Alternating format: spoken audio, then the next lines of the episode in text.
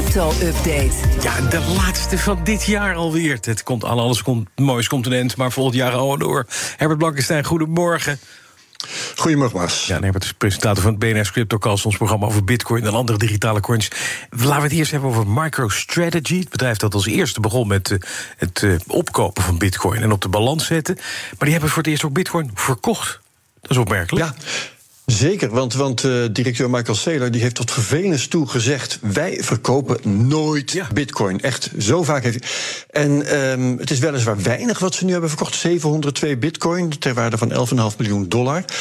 Het is weinig ten opzichte van wat ze hebben bij MicroStrategy. Ze hebben 132.000 bitcoin. Mm -hmm. Het is ook weinig ten opzichte van wat ze in november en december nog hebben gekocht. Dat was toch weer 2000 bitcoin erbij. Maar ja, het roept wel vragen op. Want waarom doen ze dit nu? Ze zeggen het gaat om fiscale redenen. Maar hadden ze daar dan geen dollars voor liggen? Uh, 11,5 miljoen dollar is ook weer niet zoveel. Gaat het zo slecht met ze op dit moment? Um, zijn het misschien toch marktverwachtingen voor bitcoin? Of uh, is het dat ze uh, deels hebben geleend om bitcoin te kopen en hebben ze mm -hmm. daar misschien problemen mee? Ja. Dat is allemaal nog niet bekend. Maar ja, dat gaat de komende dagen wel naar buiten sijpelen. Dus misschien kan ik daar volgende week over vertellen. Kijk dan. Dan verzamelde jij voorspellingen voor de prijs van bitcoin. En er is weer een jaar om. Welke zijn er uitgekomen? Want we hebben de meest wilde verwachtingen gehoord aan het begin van, het, van dit jaar. Ja, ja. Welke zijn er uitgekomen? Welke vooral niet? nou ja, ik weet niet of het aan mij ligt, maar ik heb geen voorspellingen die zijn uitgekomen. Kijk, dat dacht ik al. die heb ik niet in mijn verzameling. Mm -hmm. Nog drie dagen, maar ja, de, de laagste voorspelling voor, voor dit jaar bedoel ik. De laagste voorspelling die ik heb is 100.000 dollar. Dat is een veelvoud van de huidige koers. Uh, dus je kunt wel zeggen dat de zieners niet in vorm zijn geweest. Inderdaad. Ja.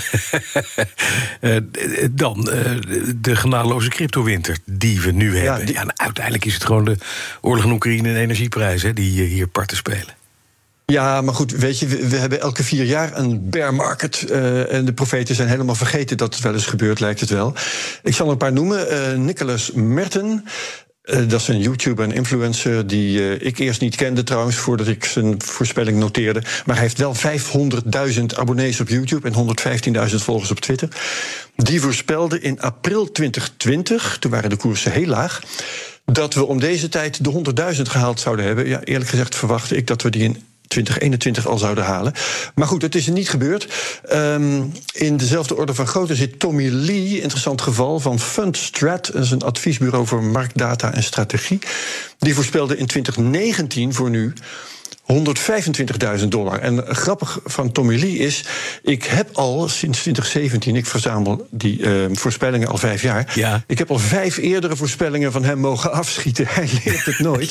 Hij zit altijd veel te hoog. Ja. Uh, hij heeft zelfs in november nog een voorspelling uh, bevestigd die hij eerder had gedaan, dat Bitcoin echt in de eerste helft van 2023 niet één ton, maar twee ton gaat halen. En dat wordt altijd weer keurig genoteerd door de cryptomedia. Dus onthoud de naam Tommy Lee van Fundstrat. Die hoef je niet serieus te nemen. Die zit er altijd naast en altijd veel te hoog. Maar er waren ook nog uh, figuren die echt veel meer voorspelden. Want dit waren de lage voorspellingen voor eind dit jaar. Ja, ja hoor, want uh, daar is bijvoorbeeld Mark Yusko, dat is een Amerikaanse investeerder en hedgefondsmanager. Doet ook heel vaak voorspellingen trouwens. Maar de meeste die uh, liggen nog verder in de toekomst. Voor een jaar geleden had hij de 100.000 uh, uh, al staan. En dat werd hem dus niet. Voor nu had hij in 2018 al 200.000 voorspeld. Ja. Dan. Nee, nee. nee um, uh, en bijzonder aan Jusco is dat hij zijn voorspellingen ook wel aanpast. Dat is wel leuk om uh, te noteren. In 2018 voorspelde hij 500.000 eind 2024. ja. En een jaar later, in 2019, voorspelde hij 400.000 in 2030. Dus toen was hij toch wat minder optimistisch ja. geworden. Um, in 2019 zag hij de bitcoin 250.000 halen in 2025. Maar in 2021 had hij die 250.000 uitgesteld naar 2026. Hm. Dus je kunt van Jusko zeggen, hij roept maar wat. Maar wie weet is het ook wel, hij leert van het mislukken van zijn voorspellingen. Ja. Anders dan Tommy Lee. Ja, maar de, ja. En er was ook nog trouwens een, een partij die 200.000 had voorspeld voor nu. Dat was FS Insight, een marktanalysebureau. Uh, dat deden ze kort geleden, uh, in februari, toen je echt al wel kon zien dat we in een dalende markt zaten. Maar um, Evers Insight voorspelde toen inderdaad ook 200.000 in de tweede helft van dit jaar. En we zitten nu op nog geen 10% daarvan, tenzij we dus in drie dagen tijd maal 10 gaan. Wat niet helemaal de verwachting is. Um, nee, er zijn ook mensen die voorspellen dat Bitcoin een totale hoax was en dat hij naar nul gaat. Jawel, die, die zijn er wel, maar die willen nooit zeggen wanneer. Dus die mhm. kan ik niet mijn voorspellingen nee, noteren. Die zeggen alleen, het gaat mis met bitcoin, dat is zeker. En als je dan vraagt, oh ja, wanneer dan? Dan zeggen ze, ja, die markt kan heel lang irrationeel blijven... of dat soort teksten.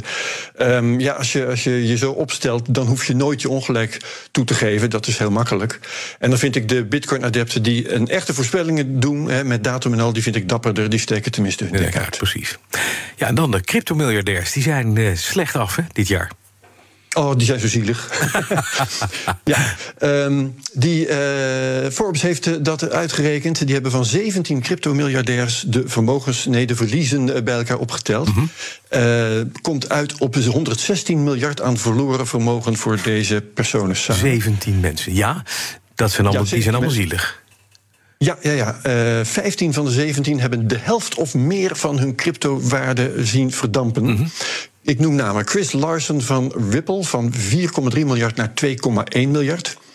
De broertjes Winklevoss, wie kent ze niet, van 4 miljard elk naar 1,1 miljard elk. Uh, we hebben Brian Armstrong, de oprichter van Coinbase, van 6 miljard naar 1,5 miljard. Oeps. koers Bitcoin omlaag, koers Coinbase omlaag, dan schiet het lekker op. Uh, en uh, heel spectaculair is ook Changpeng Zhao, de man van Binance, van 65 miljard naar 4,5 miljard. Oeps. En niet te vergeten Gary Wang van FTX. oh ja, en? Van 5,9 miljard naar nul. Ja, en uh, Sam Bankman-Fried, wie kent hem niet, van 24 miljard ook naar nul. En dan heb je toch nog iets wat naar nul is gegaan. Ja, het reservegetal. En wat heb je in de CryptoCast deze week? nou, uh, Bert Slachter en BNR-collega Daniel Mol. Uh, we bespreken de uh, grootste affaires van het jaar. Natuurlijk de instorting van FTX. Hm. De vele faillissementen die daarvoor al waren. En hoe dat domino-spel nu ook de marktleider in Nederland heeft bereikt. Dat is Bitfavo, zoals je weet. Ja.